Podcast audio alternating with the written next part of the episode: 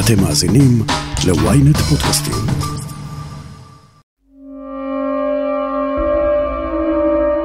אם הסף יחצה וחוקי הדיקטטורה יצאו לדרך, תעבור האחריות אלינו, אל אזרחי המדינה.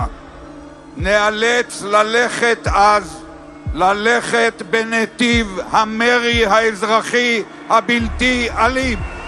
השינוי הזה זה המבוא לדמוקטטורה בשיטת נתניהו. המחאה כנגד המהפכה המשפטית מתגברת. עוד ועוד בכירים לשעבר במערכת הביטחון מתבטאים בחריפות, ומכתבים משוגרים לצה"ל מטעם חיילי מילואים המצהירים כי לא התנדבו לשירות במחאה על בליץ החקיקה של הממשלה. אנחנו כאן כדי למנוע את חורבן הבית. אנחנו כאן כדי להגן על הדמוקרטיה.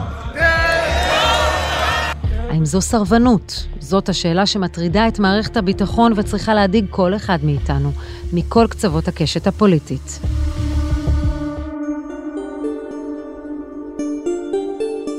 אז עד כמה צה"ל פגיע? ומה יהיה עם צבא העם? אני שרון קידון, וזאת הכותרת.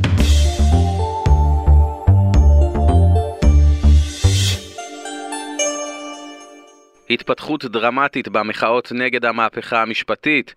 37 טייסים במילואים בטייסת הקרב 6-9 של חיל האוויר הודיעו כי לא התייצבו לאימונים במחאה נגד התוכנית שמובילה הממשלה. בכל יום אנחנו שומעים על מחאת מילואים חדשה, מטייסים דרך מערך המבצעים המיוחדים, 8200 ומערך הסייבר ועוד מקצועות לחימה אחרים. בבסיס המחאה החשש מפני החקיקה של הממשלה שתפגע בדמוקרטיה. המילואימניקים לא רק מביעים מחאה, אלא מודאגים שיעשה בפעילות שלהם שימוש אנטי-דמוקרטי. יוסי יהושע, פרשננו הצבאי, מה אנחנו רואים עכשיו שלא קרה בעבר?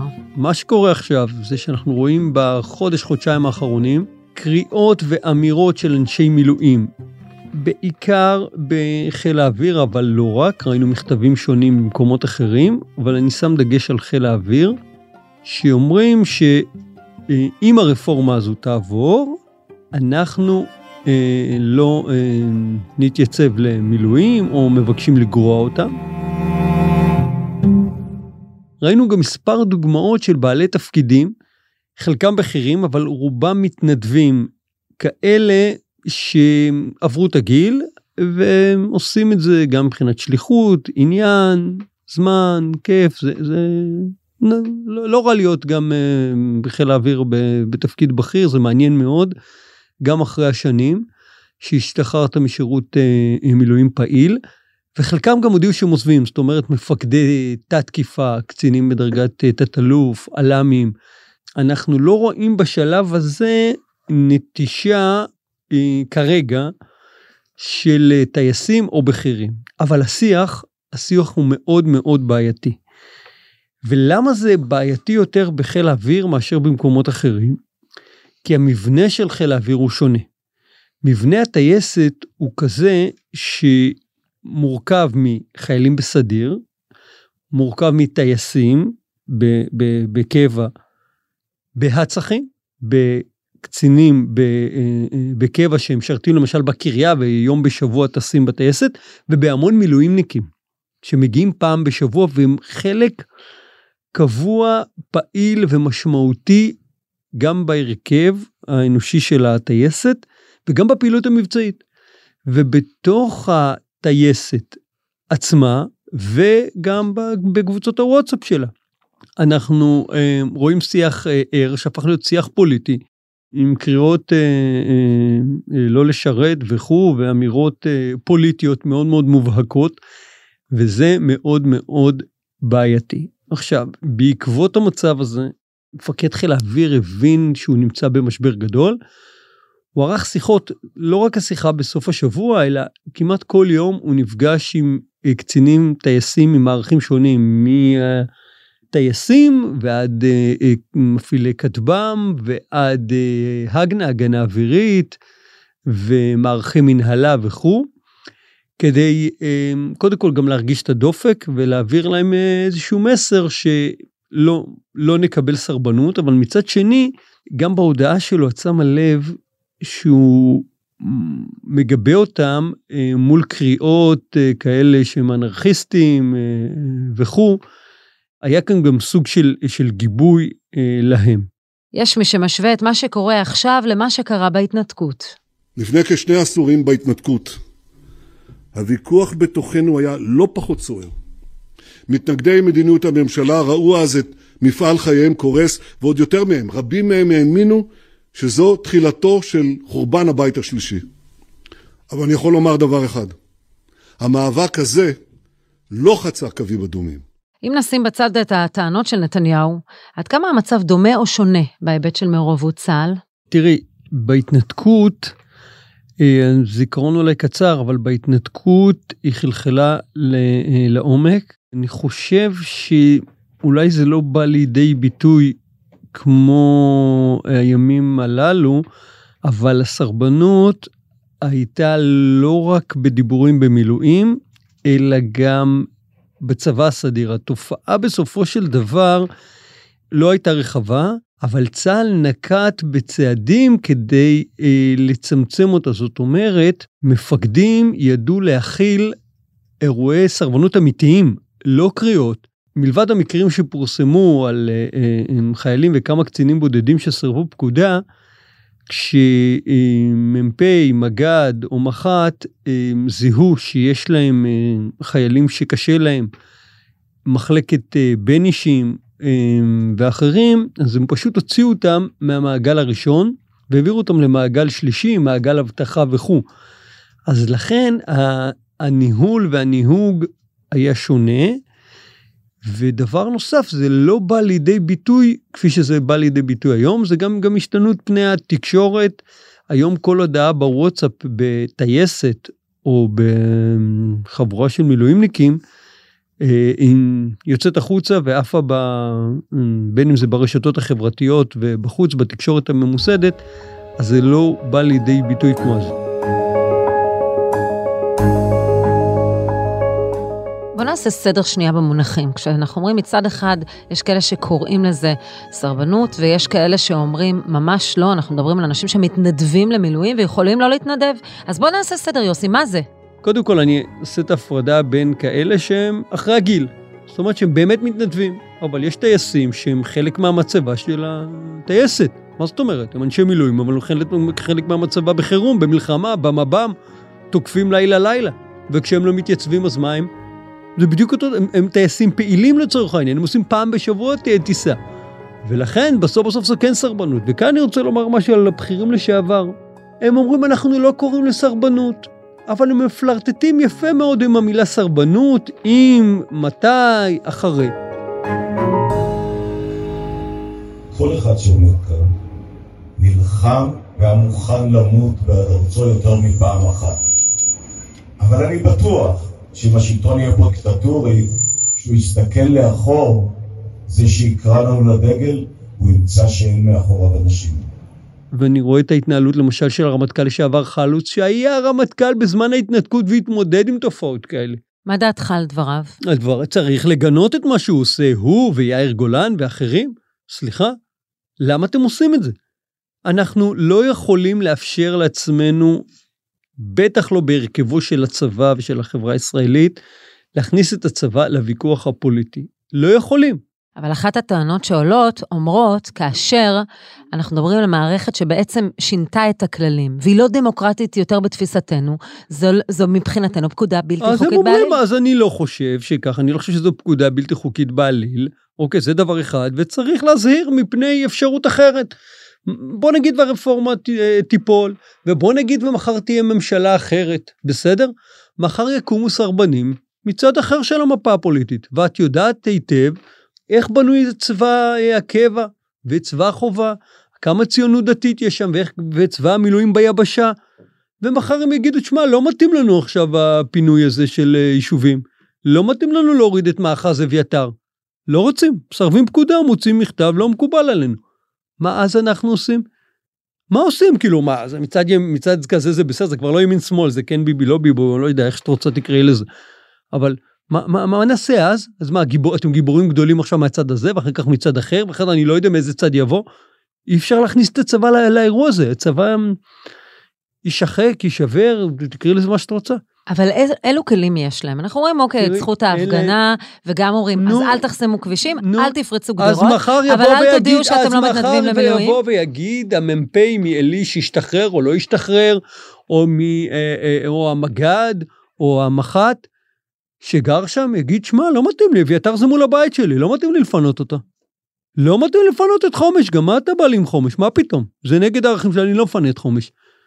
ויש לא מעט, לא מעט, אני אומר, בזה, אנחנו מכירים את הרכב הצבא, כמה גרים בהתנחלויות. שלושה מח"טים באיו"ש גרים בהתנחלויות, מתוך שישה. מפקד האוגדה גם כן בוגר מכינת עלי. עוד לא דיברתם על מג"דים ומח"טים בסדיר. אנחנו יודעים איך הרכבו של הצבא, אז היום זה כך, מחר זה אחרת. כאילו, מה, מה זה לגלות הבנה? אז מחר הם יגידו, תשמע, לא מתאים לי. איך תעשי את זה? עם מי בדיוק? עם מי בדיוק? מחר הממשלה תקבל החלטה להוריד מאחזים. עם מי תעשי את זה והם יסרבו פקודה? אכן בחיל האוויר מערך המילואים הוא חלק מהותי מהפעילות המבצעית השוטפת.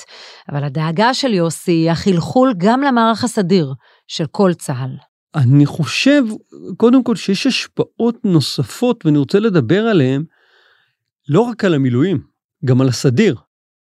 אחד, כפי שציינתי, יש קצינים וחיילים שרואים, מסתכלים למעלה ורואים את המפקדים שלהם, אומרים, רגע, מה, זה שהיה מפקד טייסת שלי, זה שהוא תת אלוף היום, הוא אלוף משנה, הערצתי אותו, טייס מהולל, זה, הוא מסרב פקודה. מה, אולי גם אני צריך לחשוב פעמיים, אולי גם אני צריך לעשות את זה, ומופעל עליהם לחץ, זה דבר אחד. דבר שני, אני חושש חשש אמיתי לירידה נוספת במוטיבציה לשירות קרבי. גם מחיילים, ובעיקר מהורים שלהם, ואת זה אני שומע באחרונה. אה, לא רוצה לשלוח את הבן שלי להיות לוחם בסיטואציה כזו.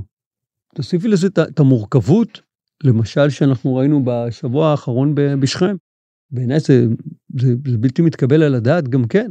לוחמים מסיירת גולני שמסכנים את החיים שלהם בהיתקלות יוצאת דופן עם מחבלים, שאת רוב המחבלים לא הימ"מ הרג, אלא סיירת גולני, תוך סיכון חייהם, עשרה מחבלים הרוגים.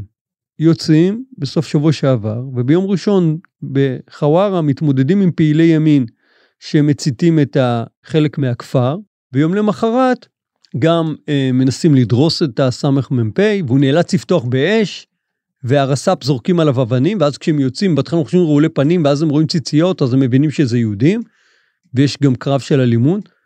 מסתכלת האימא, מסתכל האבא, אומרים, רגע, לאיזה צבא אני שולח את הבן שלי? למה, למה יהודים צריכים להכות אותו? למה הוא צריך לפתוח באש? אני חושב שזה אירוע לא פחות חמור מכל הסיפור של הקריאות אה, סרבנות, כי השפעה של אירועים כאלה, אז אולי הם לא מיוחצנים, אבל בזרמים התת-קרקעיים שאני מקבל, אני חושב שכאן זה הרבה יותר, הרבה הרבה יותר חמור.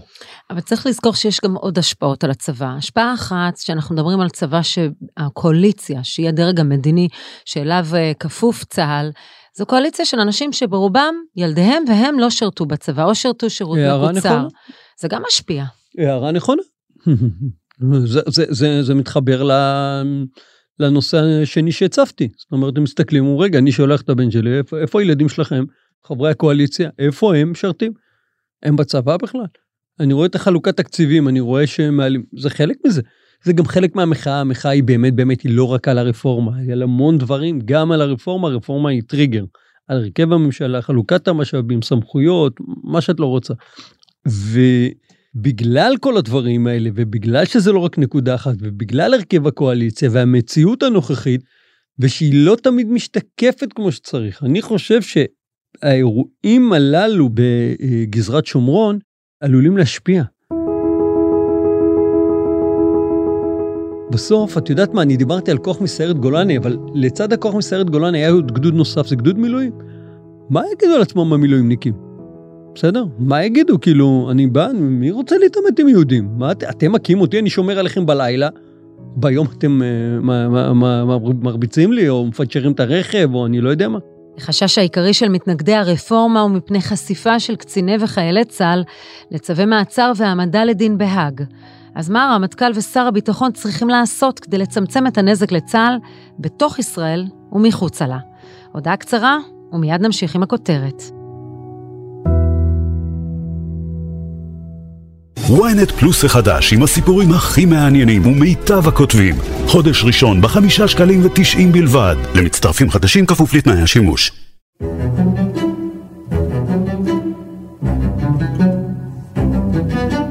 דוקטור גלעד נועם, המשנה ליועצת המשפטית לממשלה לעניין משפט בינלאומי, הזהיר לפני כחודש בדיונים בוועדת החוקה מפני פגיעה בהגנה על אנשי כוחות הביטחון בבתי משפט בינלאומיים, בעקבות המהפכה המשפטית והשינויים המוצעים בה. בג"ץ נתפס בקרב גורמי מפתח בזירה הבינלאומית כמוסד שיפוטי מקצועי ועצמאי. היוקרה של בג"ץ ושל מערכת המשפט הישראלית בכללותה סייעה לנו רבות בהתמודדות עם יוזמות להביא להליכים נגד ישראל ובכיריה בבית הדין הפלילי הבינלאומי בהאג ה-ICC ובמהלכים נוספים נגד ישראל בשורה של פורומים זרים ובינלאומיים. לדבריו, פגיעה בעצמאותה של מערכת המשפט בישראל תוביל להתערבות בית הדין הבינלאומי ולפתיחת יותר חקירות נגד אנשי כוחות הביטחון. ייתכן, מקבל את זה, אבל עוד חזון למועד. אני חושב שזה חשוב, אבל לא הדחוף. הדחוף הוא המצב עכשיו. Mm-hmm. המשבר המיידי עכשיו, שאותו צריך לפתור. הרמטכ"ל היה צריך לדבר בעיניי לא רק על המילואימניקים, הוא היה צריך לצאת ולדבר גם על החיילים שלו.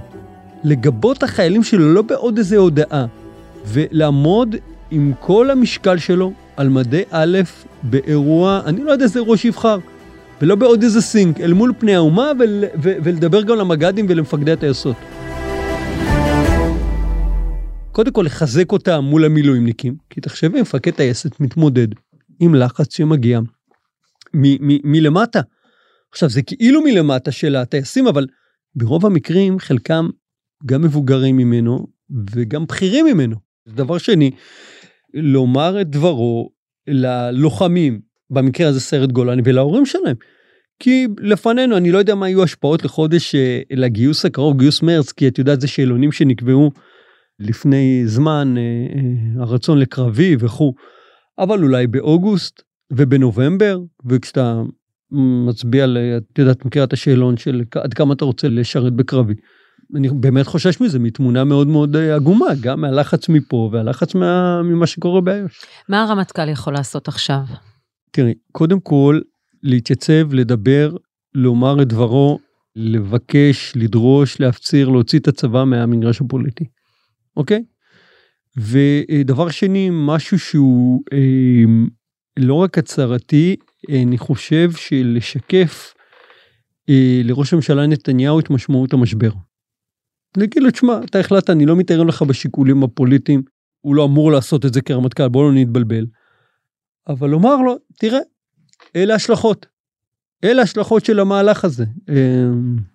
אלה הקצינים שהביעו אה, אה, את עמדתם הברורה שלא יתייצבו אם וכאשר זה יעבור. רוצה לקחת את הסיכון, ייקח, אבל, אבל אני חייב להציג לך את תמונת המודיעין העדכנית הזו, והכי רלוונטית, ותקבל את ההחלטות. עכשיו, גלנט מודע לזה.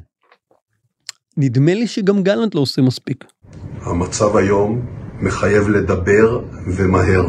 ניצבים בפנינו אתגרים חיצוניים כבדים ומורכבים. כל קריאה לסרבנות פוגעת בתפקודו של צה"ל וביכולתו לבצע את משימותיו. אני פונה מכאן לכל חייל ולכל קצין. צה"ל הוא כלי המגן של מדינת ישראל, ואנשי המילואים הם חלק ממקור עוצמתו הגדולה.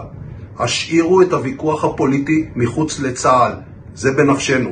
כי לגלנט, בניגוד לרמטכ"ל, יש את השיקול הפוליטי, הוא צריך לתמוך בראש הממשלה. מה הקשר? והוא מפחד לשלם מחיר פוליטי. בעיה, אבל אין שום בעיה, מה זאת אומרת? תדבר על הקצינים, צריך להוציא אותם. תוציאו את צה"ל מהמשחק הפוליטי, בסדר? אבל כמובן שאותם קצינים יראו את זה כהבעת דעה פוליטית, ולא לא כעמדה דעה, של שר הביטחון. לא, זו לא דעה פוליטית, תוציאו אותה, כי היום זה מימין ומחר זה משמאל. ולהפך. מה זאת אומרת? כאילו, היום זה ככה, מחרתיים תתחלף הממשלה. נו, אז מה? מה, מה יקרה? אז הם לא ירצו, אין מי, אין, לא יהיה מי שיפנה. ולכן גם ממנו מצופה לעשות את זה, גם משר הביטחון וכמובן רמטכ"ל, ולשקף את המשמעויות ב, למערך המילואים ולמערך הסדיר. כי משבר כזה בעוצמות שלו, אני לא זוכר, וזה כדור שלג שמתגלגל, את רואה עוד מכתב, עוד הקצנה ועוד אמירה וזה. תשמעי, מה התסריט, תרחיש לא האימים בעיניך? אני, לא- אני, אני, לא, אני לא רוצה, אני חושב שבמלחמה כוללת, אם תהיה, אה, אני חושב שהם יתייצבו, כולם יתייצבו. ובטח גם לפני שהרפורמה תעבור.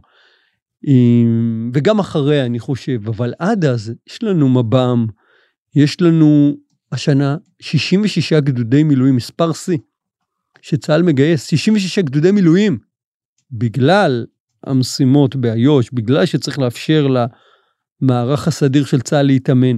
בואי נראה איך אה, תעבור השנה הזו. זאת אומרת, אתה באמת יכול, כאילו, איש מילואים בינינו הרי, אם הוא לא רוצה להתייצב, הוא לא מתייצב. אין, זה לא כמו פעם.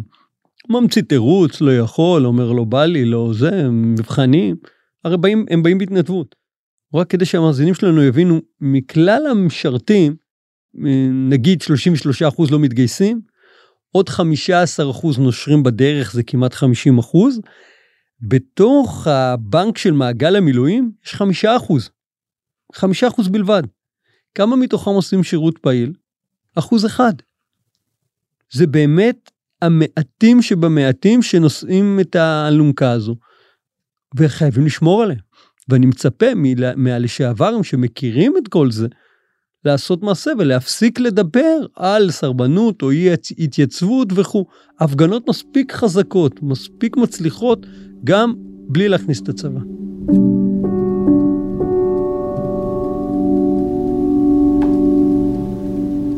יש רגעים שאתה מדמיין תסריט אפשרי שבו יש משבר חוקתי, כלומר שהממשלה בעצם מעבירה את אותה מהפכה משפטית, בית המשפט, בג"ץ, פוסל אותה, ואנחנו נמצאים במשבר חוקתי, איפה צה"ל נמצא, למי הוא כפוף? אני מקווה מאוד שלא נגיע לשם. אם זה יעבור בעוד, עוד לפני זה, זאת אומרת, אם זה יעבור בשתי הקריאות, אני חושב שכבר המונים יהיו ברחובות, אם המחאה הזאת תנוהל. כפי שצריך, אה, ולא תקצין למקומות שאנשים לא יכולים להשתלב בה.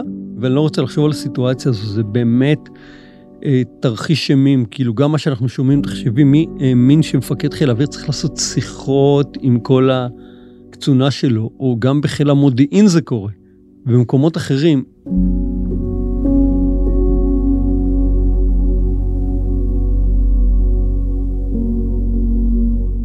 כבר הנקודה שבה אנחנו נמצאים עכשיו, ואני אומר לך, יהיו לזה השלכות על היחידות הסדירות. אין ספק בכלל. זאת אומרת, מה שאתה שומע בבית, בסוף מחלחל, ו- ואת רואה כמה צעירים נמצאים גם, ב- גם בהפגנות. וזה החשש האמיתי שלך. שלי, כן, אני חושב שמלבד הסיפור של המילואים, שאני כמובן, שניהם, יש כאן שני וקטורים. זאת אומרת, יש את, יש את המילואימניקים, ויש את הסדירים. ושמתחבר לזה גם האירועים הנוספים של מה שאנחנו רואים באיו"ש, והרכב הממשלה וכו', ואנשים שואלים שאלות. והחברה לצערי מתפרקת, ואסור לנו שהצבא יתפרק, כי בסוף בסוף, תראי, גם אם הכלכלה תיפגע והיא נפגעת, או, או עולמות נוספים, אפשר לתקן את זה. בסוף את הכלכלה אפשר לתקן, וגם לאחות שברים אחרים. את הצבא באמת לא יהיה ניתן לתקן, אנחנו שמענו את נסראללה. ولأول مرة في تاريخ الكيان الصهيوني منذ قيامه المشؤوم نسمع الحديث من رئيس الكيان رؤساء وزراء سابقين عدوا معي لابيد بنت اولمرت يهود باراك بيحكوا عن سفك الدماء وانه ما في حل للتحديات الجديده من قبل حكومه نتنياهو الا بسفك الدماء. ومستقل היטב על מה שקורה כאן. שמענו את הדברים של הנשיא שנחשף לדוחות המודיעין, ומבין מדוחות המודיעין איך הם מסתכלים על כל, באמת על כל אפגן נסראללה למשל, גם אחרים, גם ברשות וגם בעזה. הם ערים לכל ציוץ ולכל אמירה, וכן, גם הם מחכים לשעת הכושר שלהם, וגם הם למדו משומר חומות, שאירוע רב זירתי הרבה יותר מורכב למדינת ישראל. זה לא עוד סבב אחד מול עזה, סבב אחד מול אה, לבנון, וצריך להיות ערים לזה, מי שעוד אה, חפץ חיים פה.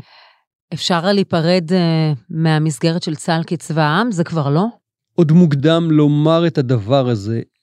לפי הנתונים, אנחנו בדרך לשם, כפי שאמרתי קודם, 33% מהגברים לא מתגייסים, 45% מהבנות לא מתגייסות, ולהוסיף לזה את הנשר תוך כדי. ולכן צריך לעבור בגדול, לעבור בכלל למתווה שירות אה, חדש, אה, שבו אה, צה"ל מגייס את מי שרוצה וצריך ומתגבל אותו בהתאם, בלי לקרוא לזה צבא מקצועי, ובונים מתווה שירות לכל מי שלא מתגייס את הצבא. זאת אומרת, אנחנו, אתה לא בצה"ל, אבל אתה תורם את החלק שלך. אם צריך למשטרה שחסר לה כוח אדם, אז מעבירים אותך למשטרה, למד"א, לכבאות, לתרום בקהילה, יהודים, ואני אומר יהודים זה כולל חרדים שיתרמו את החלק שלהם, וערבים. גם ערבים יתרמו בקהילה שלהם, אם זה במשטרה או ב, במקומות נוספים, כי מעטים מאוד, כפי שאמרתי, נושאים את האלונקה הזו, והם הולכים ומתמעטים, להם זה הופך להיות הרבה יותר קשה, יש להם הרבה יותר מכשולים בדרך, והאלונקה הזו עלולה ליפול. ולכן צריך לעשות את זה כמה שיותר מוקדם. יוסי יהושע, תודה רבה על השיחה. תודה לך.